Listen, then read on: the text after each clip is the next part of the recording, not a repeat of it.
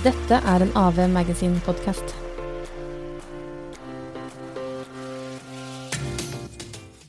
Veldig mange eh, kjenner jo nå at eh, tilhørigheten til arbeidsplassen går litt vekk. Og vi ser jo veldig mange som slutter, og det er høy turnover.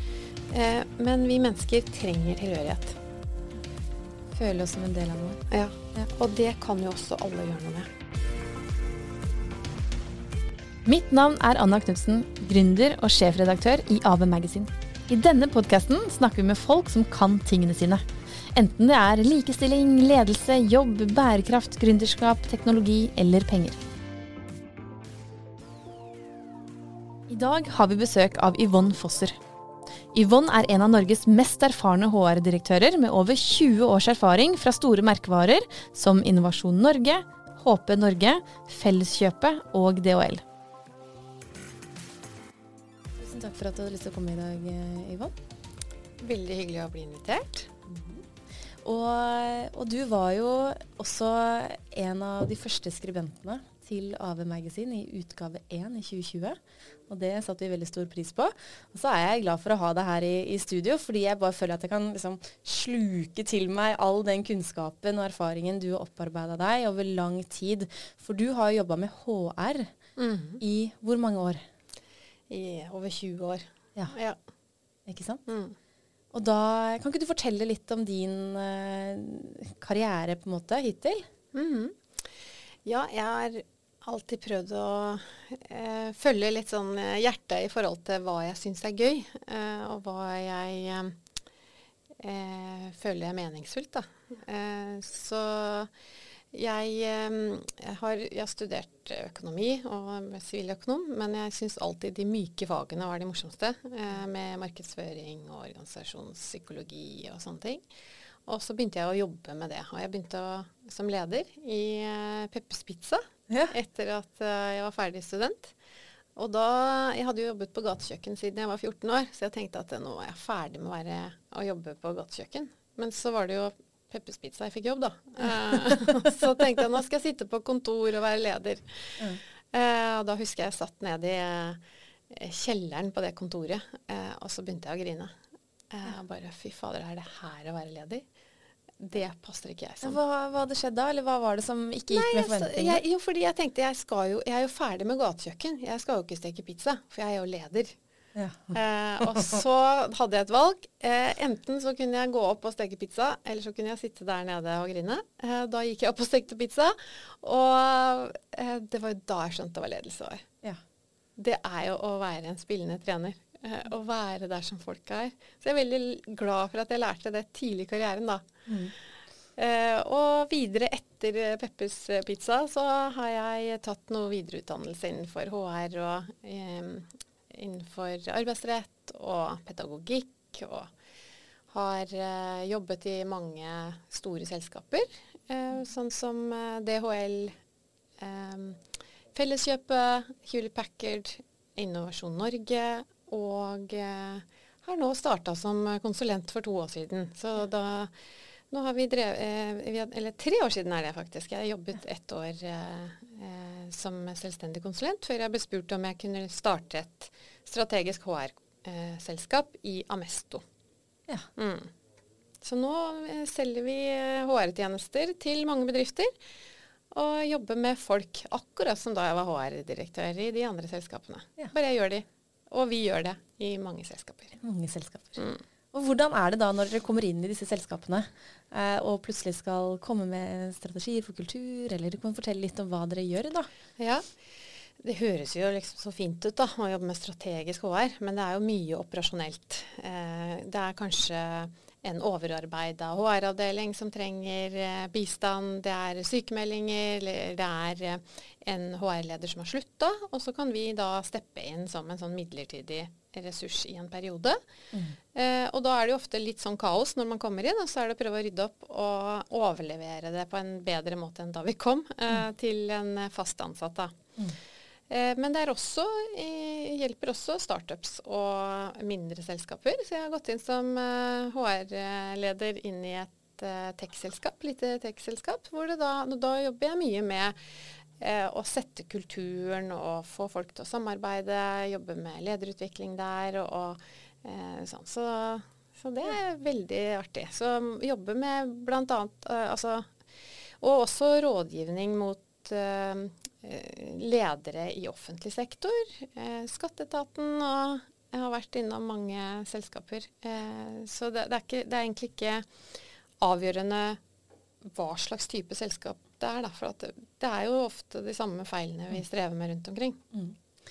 Ja, og det er jo uh, Hvilke type feil er det, er det, feil, det er jo feil å si feil, da. Utfordringer, da. Altså, hvilke ja, utfordringer er, er det som går igjen og igjen og igjen? For jeg tenker at jo... HR er jo et fag, mm. men så er det jo mange som blir uh, forfremmet pga. faglig tyngde på sitt spesialfelt. Mm. Men så blir de da på toppen av der tatt på HR og, og uh, andre ting.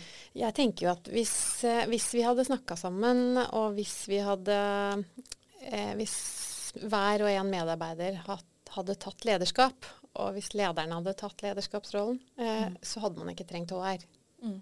for at HR er jo Det bør jo sitte så mye som mulig ute hos lederne. Mm. det handler jo om å eh, å få folk til å virke, tenker jeg. Eh, og i Det er klart at det som er bra med å ha en HR-avdeling, er jo at da kan, da kan, man ha et system på er, hva er ledelse hos oss, hvordan skal vi gjøre det hos oss, og ha en sånn del sånn felles retningslinjer. Det, jo, det, er ikke så lett alltid hvis man ikke har HR, da. Mm. For mindre selskaper har jo ikke altså Da er det bare en som har det som ekstra, eller ja. eh, til sin egen rolle. Ja, og det, eh, det kan fungere fint, det. Eh, det som, altså, I det selskapet som jeg er HR-sjef i nå, er, eh, det heter Nomono for øvrig. Og da er det lederne som gjør det alt det administrative som har med HR å gjøre. Eh, mens de bruker da meg som konsulent for å hjelpe de til å fungere sammen. da. Mm. Mm. Og så syns jeg du sa noe interessant, at du, dere hjelper medarbeiderne også til å lede, eller være ledere ja. på kultur? Ja, det brenner jeg jo veldig for, da. For vi ja. får til så utrolig mye mer hvis hver og en tar lederskap. Og noen kaller det medarbeiderskap. Eh, og det, eh, det, er jo egentlig at hver og en tar lederskap. Og mange tror jo at ledere, eller oppfører seg i hvert fall, som om ledere har, eh, er tankelesere. Eh, så hvis en leder gjør en feil, da, mm. Så, så, tenk, så, jeg har jo hørt det liksom i gangene. Å, herregud, han burde jo skjønt det. Han skjønner ingenting, han. Altså snakker vi om han eh, som om han skulle ha skjønt det. Og så sier man det ikke, og så holder man på sånn kanskje i flere år. Ja. Så man må si fra, da. Ja, men Hvordan sier man ifra til en leder som eh, er sjefen din, og som kanskje har noen beslutningsmyndighet? ikke sant? Mm. Og hvordan sier man i så fall ifra til en leder at herregud, nå, nå dumma du deg ut, eller du kan ikke si sånn, eller Jeg tror at det, det handler om å ville hverandre vel, da. Eh, jeg har jo blitt brukt til det i alle år som HR-sjef. Når andre ikke tør å si det, så har jeg måttet uh, sagt det. Og da er det jo å virkelig mene godt, da. Eh, ikke sant? Sånn som For eksempel så var det en uh, medarbeider som hadde så uh, var, var, så innmari møkte på hendene. Mm. Og altfor lange negler. Mm. Eh, og det hadde de snakket om i 30 år i det selskapet. Og det syns jeg er dårlig gjort å ikke si ifra. Mm. Så da er det jo egentlig bare å si du, kan ikke du bare vaske hendene og klippe neglene? Ja. Og, og da blei jo hendene reine. og neglene kortere. Ja. Du hadde ikke tenkt over det, kanskje? Nei, personen, nei, altså vi, alle har vi jo det derre Johari-vinduet, ikke sant. Hvor mm. det, andre vet om oss, men vi vet ikke selv. Men da må jo noen si det til oss, da. Så mm. jeg eh, kaller det eh, Altså på engelsk så heter det jo nudging. Eller et vennlig dytt, da. Ja. Du må være den kollegaen, eh, uavhengig om kollegaen er leder eller en annen eh, ja, kollega le som sier ifra at ja. du har noe mellom tenna. Ja. Ja, og ledere er jo bare Det er mennesker. Ja. Og det er Jeg har i hvert fall ikke møtt noen enda som er feilfrie. Nei. Så vi må jo hjelpe hverandre å bli gode. Mm. Men jeg opplever altså som leder selv så kan man føle på at man har det ekstra ansvaret. Og det har man jo. Man har et enormt eh, stort eh, ansvar. Men det er jo ganger man ikke har peiling på hva mm. de tenker, eller gjør jeg en god jobb, er jeg en god leder? Mm. Eh, og litt sånne ting. Da, at det Noen ganger så er man bare menneske og bare Å, shit, der gikk jeg på ja, gikk jeg på trynet. Og så mm. får man bare Sånn er det. Mm. Og det kommer til å bli så mye vanskeligere framover å, å, være leder. Ja, hvorfor det? I det nye landskapet hvor um, altså vi, vi, ser hverandre jo ikke så mye som før i veldig mange jobber. Og det er en informasjonsoverflow. Eh, og ting skjer så utrolig mye raskere, sånn at man er, man er helt avhengig av at eh, folk kan ta beslutninger så langt som mulig ned i organisasjonen.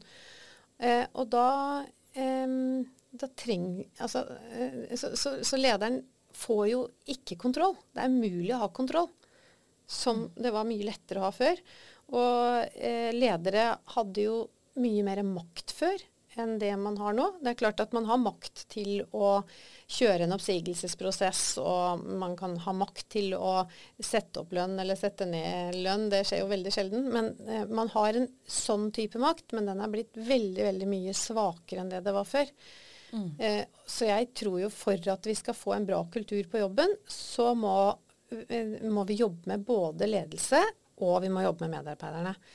Og det er sånn som jeg ser gir de altså de raskeste effektene på kulturendringer i organisasjoner. Vi må jobbe med begge sider. Mm. Det er jo egentlig ganske logisk. Ja. Men er det noe som henger igjen, da? At det er liksom den derre Vi har jobba med flat struktur lenge, og vi kaller det for, for norske ledelsesmodellen ja. og, mm. og, litt sånne ting. Men er det da lederne som har gått på disse ledelseskursene eh, og den flate strukturen, men så har ikke medarbeiderne kanskje fulgt med på den ansvars delen, eller er det Hvordan kan vi på en måte få ja, til en større endring? Ja, Det er jo organisasjonene også sitt ansvar, det her. Mm. Fordi lederne blir sendt på kurs, og så blir ikke medarbeiderne sendt på kurs. Eh, jeg ser jo den største effekten da når vi trener medarbeiderne på selvledelse. Ja. Ikke sant? Det der med å, å, ta, å ta, ansvar da, for eget liv og si ifra når det er noe. Eh, og Eh, jeg, jeg, pleier ofte å bruke COVID, syv gode vaner, ja, som er de, de eh, altså det, det, er litt eh, den teorien jeg bruker for å prøve ja. Eller for å bidra til min egen selvledelse. og som vi bruker ofte ut mot medarbeidere og ledere. Vil du jeg skal si de syv Gjerne. Ja. så den første vanen det går jo på å være proaktiv. Det å gjøre noe med egen situasjon. og eh, Altså, det er noen ting i livet du får gjort noe med, og så er det andre ting du ikke får gjort noe med. Mm. Eh, og du kan kalle det ager eller aksepter. Mm. Og da tenker jeg at ok, er det noe jeg får gjort noe med, og jeg ønsker å få gjort det, da bør jeg gjøre det. Og jeg prøver å gjøre det. Eh, og er det noe som er eh, et dilemma på en måte som man ikke får løst, som vil alltid være der, da er det jo ikke vits å prøve å løse det problemet. Det er uløsbart, mm. men vi må håndtere det. Eh, så det var vane én. Mm. Vane to går på det å sette mål. Eh, og eh, for hvis vi ikke setter mål, og bare er i livet, da, så havner vi jo bare et sted. Vi blir på en måte ikke helt Vi blir som passasjer, kanskje, i eget liv. Mm. Eh, og, så det ser vi også. De som har mest suksess på jobbene, er jo de som er målbevisste, og som jobber mot de målene, og som deler det med lederen sin, og deler det med medarbeiderne og kollegene. Så kan alle hjelpe til å nå det målet, da. Det er mye lettere enn å, bare mm. være på jobben. Vane tre, når du først har satt deg mål, eh, og, du prøver, og du jobber proaktivt mot det, målet, mot det målet, så er det viktig å sortere. For her kan vi jo alle gå på en smell og gjøre altfor mye. Så da må vi prioritere. Og gjøre det som Ofte så bruker vi mye tid på det som haster og er viktig. Og så glemmer vi bort det som ikke haster, men som er viktig. Mm. Ikke sant? Det å mm. bygge relasjoner, og det å ta seg en treningstur, eller lese en bok som er viktig, eller høre på en podkast som den her. Mm. eh, sånne ting er jo da eh, viktig å sortere, så du er i riktig skog. Eh, og mm, vane, de tre første vanene, det går på å jobbe med deg sjøl. Mm. Og så de neste tre, det går på relasjoner. Og det går på å tenke vinn-vinn-løsninger. Hva kan eh, hvordan kan jeg føle at jeg vinner, og samtidig at du vinner, da. Mm. Sånn som da jeg valgte å skrive i det første magasinet, eller noen, ja, det var vel første, første. magasinet, mm. at og her kommer det en uh, kvinne som har lyst til å gjøre noe og gjøre en forskjell. Jeg har lyst til å hjelpe henne. Og det, da ble det en vinn-vinn-løsning, og så får jeg noe oppdrag etterpå kanskje uh, av det, den artikkelen, og så blir det vinn-vinn-løsninger. Og vane uh, fem, det er den vanskeligste av alle, syns jeg, og det er å lytte for å forstå før du ønsker å bli forstått. Ikke sant? Så veldig ofte så vil vi så gjerne eh, formidle vår egen mening. Og jeg merker det selv når jeg skal hilse på folk, så husker jeg jo bare mitt eget navn. Mm. eh, jeg husker ikke den jeg møter. Så det å prøve å være der og lytte, og det er egentlig den største gaven du kan gi til et menneske, det er jo å være der og lytte. Mm. Eh, vane seks, det går på å få eh, å skape synergier som eh, ikke så ofte skjer, kanskje, men som er da en tredje løsning som er enda bedre enn en vinn-vinn-løsning. da. Ja. Og det har jeg jo sett mange ganger i, eh, i forhandlinger med tillitsvalgte f.eks. Så kan du sitte, og så blir det situasjonen helt låst. Man kommer ikke videre. Eh, det kan ta mange timer. Og så, og så går vi hvis, Da jeg hadde ansvar for det, så gikk jeg jo da ut på gangen med en tillitsvalgt. og så spurte ok, hva er, det, hva er det aller viktigste for dere her? Kan vi prøve å gå litt bak akkurat hvor mange kroner vi skal gi? Hva er det viktigste? Og så, eh, og så snakker vi sammen om hva som er viktigst. Og så kan det komme opp ah, Kanskje vi kan uh, få til noe kursing i stedet for de kronene? Mm. Eller kanskje vi kan få til en annen type benefit, eller gode, mm. som kan eh, være en enda bedre løsning for begge partene. Det kalles synergi. Eh, og så er det da vane syv som går veldig på å gi deg selv energi, da. Som eh, går på å ta på eh, masken på deg selv før du hjelper andre, som de sier på flyet. Mm. Eh, så det var de syv vanene. Hvordan jobber du med disse vanene i hverdagen? Når det er travelt. og det er, liksom, kan, det er ikke alltid like lett å være like bevisst når bare hverdagen går. Mm. Nei, jeg har jobbet med det i mange år nå. Eh, så jeg har jo eh, jeg, Det første jeg gjorde da jeg var på kurs og lærte om det her, eh, det var å bare Jeg kjøpte boken, og så på flyplassen så husker jeg jeg prøvde å ringe en coach i Norge, for det ville jeg ha. Eh, en som kunne trene på det her. Så da fikk jeg meg en coach. Uh, og vi trente på det. Og um, nå er det en del av hverdagen, da. Så det sitter liksom uh, i pannebrasken. Og da er, jeg, jeg, feiler jo hele tiden. Men da vet jeg når jeg feiler. Så da er det i hvert fall lettere å tenke at hm, det var kanskje ikke så lurt, Ivan. Da har du et bevisst forhold til det. ikke sant? Da ja. vet du at ok, her kunne jeg ha gjort sånn og sånn, eller Ja. ja. ja. Man går tilbake og tenker på det. Ja. Mm. Men er det noen av, hvis du skal ha valgt en av de, eh, altså to av de syv, da, mm. hvis man skulle starta med noe, hva, hva, anser du som noe av det viktigste? Det er jo holdninger, da. Ikke sant? Med det å få gjort noe med det du får gjort noe med. Mm. Sette pris på ting i livet som er bra, da. Eh, det går på vannet igjen. Mm. Eh, så et eksempel som jeg gjør hver kveld, er også før jeg sovner, så tenker jeg på hm, hva er det tre ting i dag som jeg setter pris på. Og da kan det være så Altså sånne små ting, da.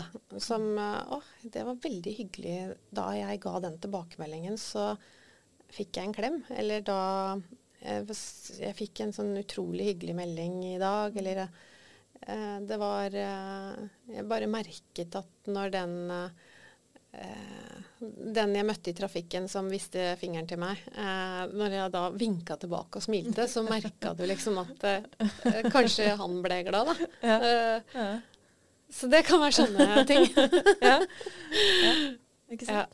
Og, og, det, når du kommer da til den, første, den første vanen hvor du da um, finner ut av hva kan jeg gjøre noe med, og hva kan jeg ikke gjøre noe med, og akseptere at det er sånn, da. Mm. Eh, hvordan kan man som medarbeider Alle er jo medarbeidere uansett om man er mm. leder eller ikke, men, men jobbe mer eh, kollegialt, mm. holdt jeg på å si, mm. eh, med disse vanene kanskje direkte på jobb, eller hvordan Hva ser dere er liksom uvaner i arbeidslivet nå som medarbeidere kan jobbe litt med, da? Bare så et eksempel med en samtale jeg hadde for ikke så lenge siden, hvor det da var en medarbeider som sa at du, jeg, jeg har så mye kompetanse som jeg føler ikke blir brukt. Uh, og det er, så, det er, så, frustrerende å se, for jeg ser at de andre der borte, de har, de har så mange møter om ting som jeg kan. Og så blir jeg ikke invitert. Ja. Uh, og da er det bare OK, hva kan du gjøre med det, da? Ja. Det er antageligvis ikke vond vilje at ikke de inviterer deg. Ta og Fortell hva du kan, og så inviterer du deg selv inn i de møtene. Uh, så han begynte jo med det, og det da får jo han brukt kompetansen sin nå. Ja. Ja. Det er, ja, ikke sant. Så tenker jeg at det er, det er ikke alle vet ikke alt om deg heller. En leder kan ikke vite alt. Har du mye hjemme? Har du mye mm. på jobb? Hvordan er din egen arbeidskapasitet? Kapasiteter er jo forskjellige fra den ene og den andre. Mm. Og det er jo ja, jeg blir sånn interessert i, i, hvordan jeg også som leder kan hjelpe da, mm. til uh, å få de ansatte til å ja, forstå dette her, og mm. hvordan kan man på en måte Ja, ja så eh, i, Vi har jo workshops for medarbeidere hvor vi på en måte prøver å vekke dem litt, da. Ja. Eh, til å ha lyst til å være med på en reise. Eh, med hvis du eh, Det kan jo også være en veldig tøff reise. Ikke sant? Nå det, og nå er det skikkelig tøft marked hva skal vi gjøre sammen nå for å kunne klare å stå i det her? Mm. Det trenger ikke å bare være morsomt, ja. men uh, det kan være veldig meningsfullt å, å, kjenne på tilhørighet og gjøre en skikkelig vanskelig oppgave sammen. Så det er jo det å ha et felles mål og jobbe mot det målet, og hva er det jeg kan gjøre, bidra til for at vi når det målet sammen, da. Ja, for jeg tenker litt sånn etter korona nå, folk har vært permittert, kanskje i flere omganger. Det kan mm. jo gå litt ut over kultur, ikke mm. sant. Man har vært gjennom noe tøft sammen. Det er ikke alltid like lett å komme et steg opp til der det pleide å være. Eh, og med mindre man da eventuelt bytter jobb, så kan det være det her er min antakelse. Mm, yeah. Vanskelig å endre denne kulturen når man har vært gjennom et skikkelig sånn kan være skikkelig tak. da. Mm. Det har gått litt utover alt. Mm. Ja, og det går jo fint an å jobbe med, hold, altså det, med innstilling, da. Ja. Eh, for å legge ting bak seg. Mm. Det er eh, Jeg tenker veldig at det, det, er fint å tilgi. Man trenger ikke å glemme. Men det å tilgi, det prøver i hvert fall jeg å lære barna mine. At ja. den som får det verst hvis man ikke tilgir, det er jo en selv. Ja. Og da sitter det mye gruff inni deg hvis ikke du klarer å tilgi. Mm. Og jeg syns ofte også at uh, vi um, Når vi kommuniserer, så, så, har vi litt Hvis du tenker på det som litt sånn forskjellig valuta, mm. at eh, jeg kjenner til meg selv, og jeg kjenner min bagasje, og jeg kjenner mine tanker. Og så skal jeg si noe til deg, og så kommer det kanskje litt feil ut. Og så tenker jeg at ja, men det, jeg mente jo egentlig sånn. Så da er det veldig lett å tilgi seg selv for at ja, men det var ikke sånn jeg mente det. Det var sånn. Med hele den ryggsekken du har. Og så du hører bare det jeg sier. Og da vet ikke du alt det der bak der. Eh, så hvis vi er litt mer rause med, med, oss sjøl og tenker på at ja, men det er kanskje det Kanskje den eh, sleivete kommentaren der ikke har noe med meg å gjøre. Kanskje det har noe med den morgenen som den personen hadde. Altså, det er jo mange som vi, De fleste av oss driver jo med forskjellige ting. Og så bare ikke ta det så personlig, da. Og så er det jo eh, Har det jo kommet opp en sånn ny eh, quiet quitting mm. som har kommet opp. Mm. Eh, er det noe dere ser mer av? Er det noe du ja, bruker Ja, så eh, vi har jo sett at uh, altså HR Norge har tatt en undersøkelse nå for ikke så lenge siden i forhold til jobbengasjement. Og da ser, eh, ser, de at det er gått noe ned etter korona med engasjerte medarbeidere. Og det har jo ikke vært så innmari høyt i utgangspunktet heller. Det skal ikke så innmari mye til for å være altså eh, være høyt engasjert på jobben. Da skiller du deg ut. For det er ofte, de aller fleste er sånn OK engasjert eller negativt engasjert. Ja. Um, så jeg tror jo veldig eh, på at hvis man har lyst på karriere, og hvis man har lyst til å få til ting på jobben, skal ganske lite til. For at de aller fleste går på jobben og er happy med det, liksom. De har, har ikke den driven eh, å gjøre det lille ekstra. Mm. En Gallup-undersøkelse for noen år siden viste at ca. var fra 13 til 15% som er høyt engasjerte medarbeidere. 13 til 15% Det var ingenting. Nei. Så og, du ser dem jo på arbeidsplassen når du ja. ser dem. Og det er ikke sikkert at det er de som er utadvendte og som sprudler rundt i gangene som er det.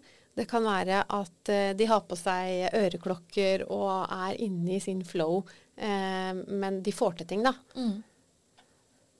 Så um, men, men, det som Ja, så i forhold til det med quiet quitting, som du, eller stille slutting før de egentlig slutter, da, ja. så um, tenker jeg også at det er viktig å dra fram de der vanene igjen, da, med å prøve å gjøre noe med situasjonen. Og det er lett å, å skylde på lederen at det er pga. lederen at jeg gjør minimalt på jobb. Kanskje jeg gjør akkurat så mye som jeg trenger for å slippe å miste jobben. Ja. Eh, men det er ikke lederen sitt eh, Det er ikke lederen sitt ansvar alene, det her. Det største ansvaret sitter jo på hver enkelt medarbeider, tenker jeg. Og, og, hvis du er i litt sånn quiet uh, quitting, eller resignerer litt, ja. da, mm. så går jo det utover deg.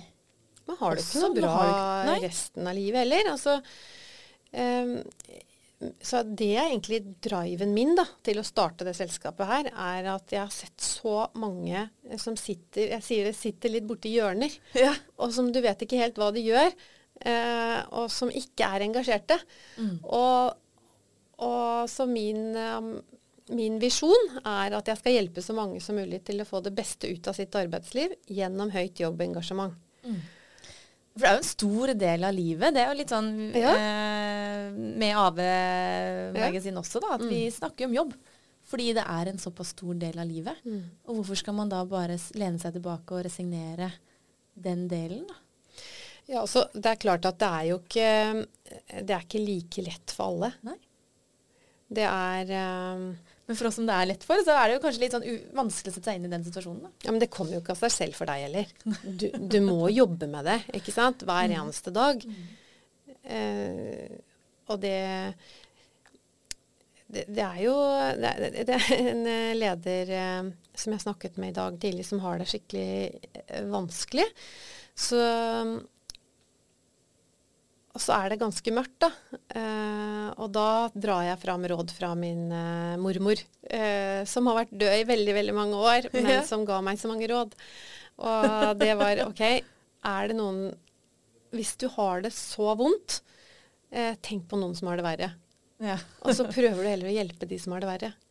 For da føler du deg så mye bedre etterpå. Det mm. er veldig bra triks. Ja. Har du prøvd? Nei. Nei. Prøv. Sikkert på andre ting. Men, ja, eh, ja. ja så sende en hyggelig melding til noen du vet har det skikkelig kjipt.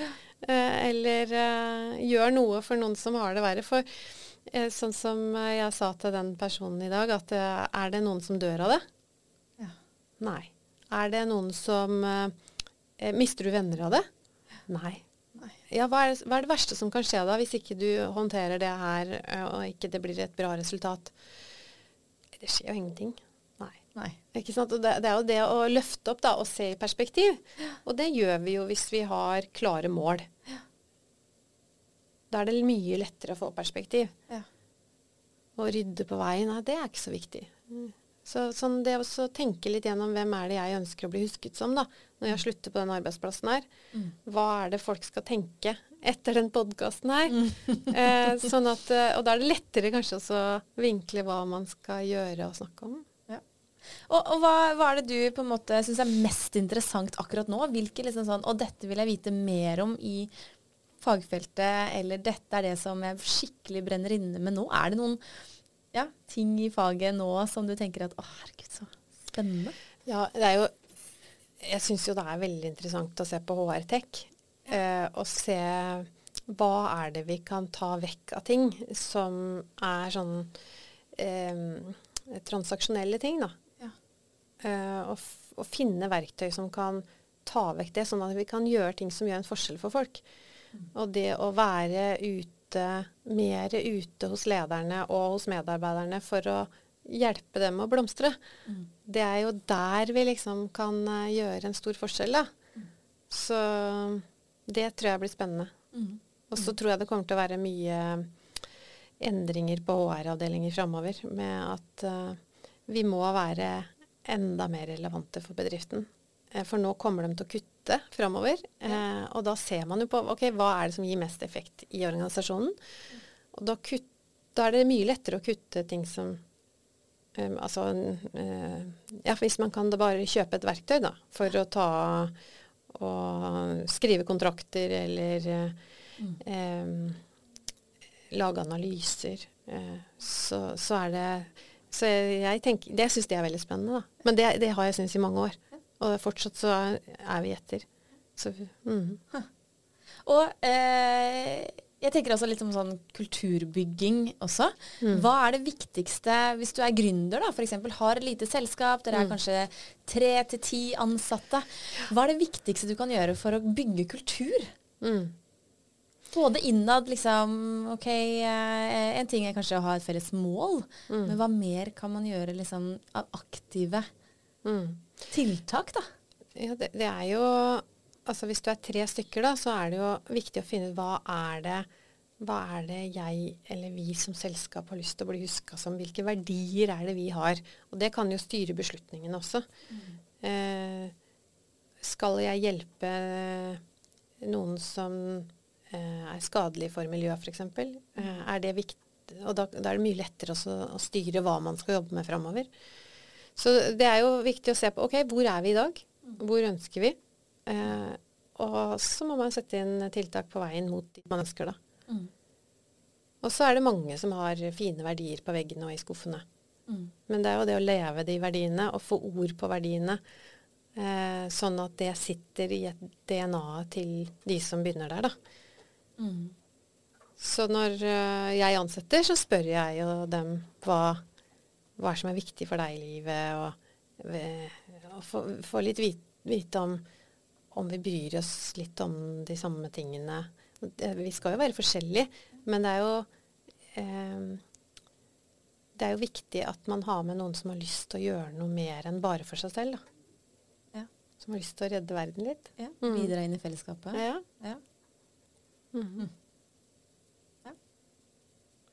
Og så er det eh, en eh, forskning som jeg alltid henviser til, som jeg eh, også vil henvise til i dag, og det er Adam Grant eh, sin forskning om give and take. Ja.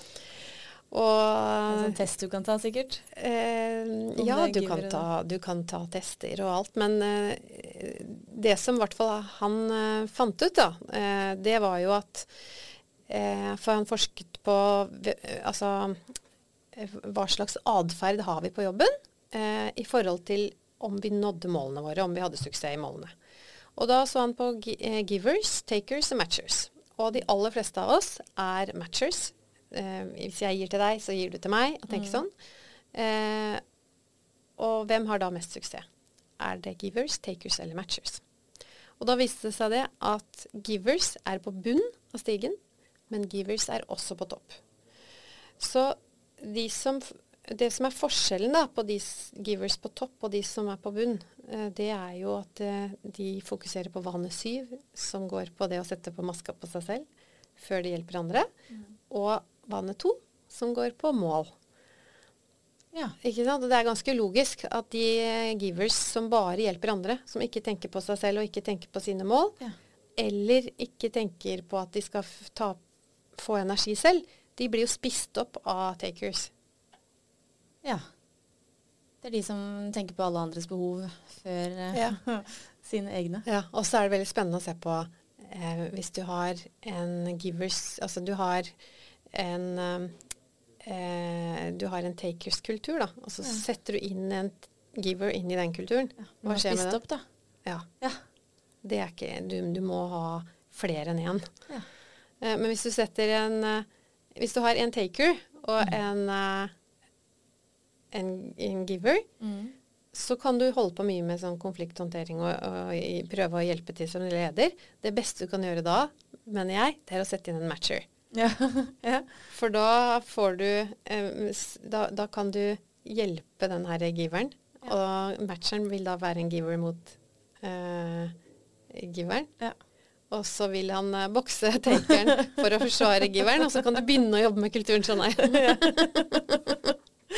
Ja, det er morsomt. Det er, det er jo en annen type sånn, eh, person, personlighetstest å finne ut av hva man er, da. Ja, så trenger man jo ikke være det man er. Man Nei. kan bestemme seg for at man skal være en annen mm. i morgen enn den man var i det går. Mm. For mm. alle kan jo gjøre noe for å være en giver den dagen. Ja. Det, men også for å være en, altså, kanskje mer match eller en taker en annen dag, og sette litt grenser for seg selv. Da. Og det blir jo på en mm. måte en giver som da ja, det skjer jo det. At givers blir takers fordi de har blitt tråkka på for mye. Ja. Ikke sant? For mm. da har de kanskje vært i måte bunnen, da, blitt spist opp. Ja. Eh, og så må de plutselig bare sette, ja, ja. sette strek et sted. Mm. Eh, og jeg kan jo kjenne meg igjen i en sånn mm. giver-situasjon. Mm. Eh, eh, men da kan det være vanskelig å ta den maska først. Fordi de andre i en ledelsessituasjon, mm. da, så er de viktigst. Ja. Eh, så det jobber jeg med, da. Å ja. bare sørge for at ja. ja får, Og så er det jo ingen som er tjent med hvis du Nei, ikke sant? går uh, mm. ikke uh, blir, blir, syk, da. Ja. Mm. Så det er sånn um, Ja, mm. det er en balanse, akkurat det der, da. Og det å være kanskje bevisst over hva man selv er. Uh, så det kan man jo spørre seg selv i dag, da. Mm. Hva er jeg mest? Er jeg en giver, taker, matcher? Og hvordan Hvem ønsker jeg å være? Jeg tror at jeg er i sånn utgangspunktet så er jeg nok en matcher. Ja. Og så prøver jeg alt jeg kan å være giver. Ja. ja. Ikke sant? Ja. Men det er altså et godt utgangspunkt. da. Og hvordan kan disse takersene bli mer matchende, da? Det er jo det som er nærmest.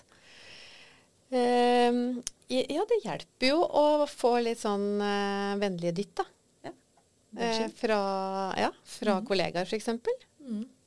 Mm. Så um, det, for det er jo ikke alltid at man helt vet selv hvordan man blir oppfatta av andre. Så det er jo det å ta den vanskelige samtalen kanskje med folk. Og også eh, hvis man lurer på hva man er selv, så går det an å spørre deg. Ja. Hvordan blir jeg oppfatta? Ja. ja, for det er sånn OK, kanskje jeg ser på meg selv ja. som en giver, men de bare Nei, nei, du er taker. da er det jo helt sånn derre ja. Antageligvis så er vi det i, ulike settinger. Eh, ja, ikke sant? Og kanskje er man litt stressa, så da blir man det ene og det andre og mm. ja, bytter på, da. Mm. Mm. Ja. Det er kjempeinteressant. Jeg syns det. Ja. Og spesielt da kanskje viktig på en arbeidsplass. Mm. Mm. Har, du noen, uh, har, du noen, tips til hvordan å um, og møte resten av året. Og det nye året er jo også veldig, veldig snart. Er det noen gode sånne nyttårsbudsjett man kan sette seg eh, eh, på starten av året, f.eks.? Sånn, 'Å, nå skal jeg bare visse på dette.' Eller har noen generelle mm. tips, da? Ja. Eh, det er jo forsket mye på eh, hva er det som hva er det som gir både kundetilfredshet, eh, hva er det som gir medarbeidertilfredshet, og hva er det som gir bunnlinje.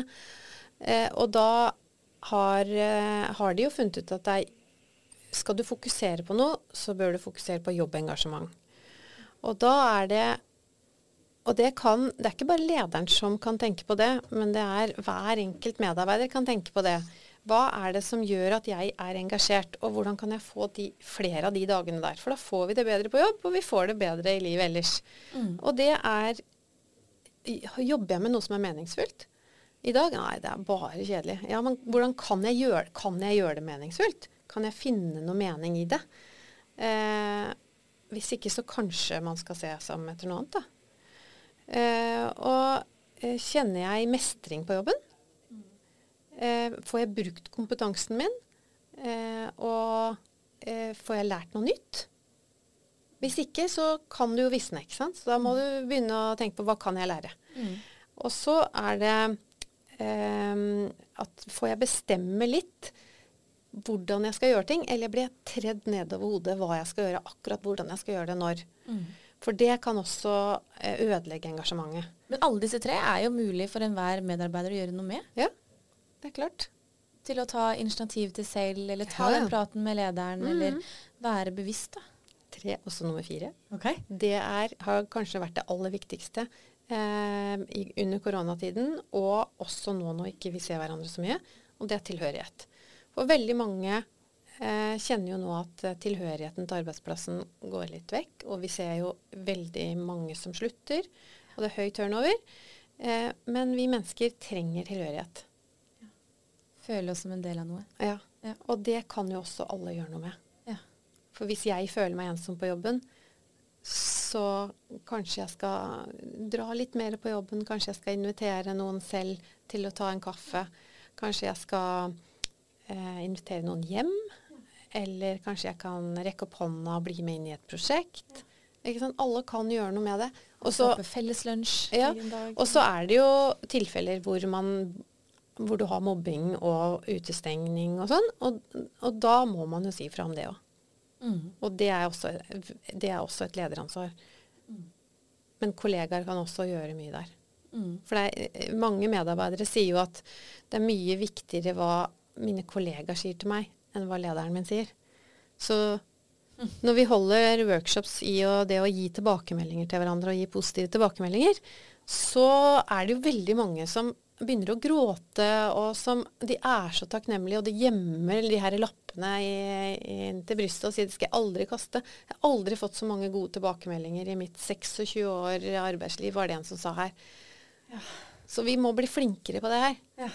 Og det Shit. gjør jo at vi får en mer tilhørighet til kollegaene våre. Vi må bli mer kjent. Og ikke være så redd med å gi komplimenter og være rause. Ja, er det så farlig egentlig? Hva, hva taper vi på det? Men er det sårbarhet, liksom? Altså Folk er redd for å si at, at du er flink, eller jeg setter pris på at du kommer med kaffe til meg om morgenen. Det betyr ja. så mye å bli sett. Ja. Er det vanskelig for folk å si disse ordene? Ja, det er jo litt Det føles ofte litt kleint. Ja. ja. Så det sier de jo i de workshopene vi har òg. Åh, det er kleint, men det er så godt.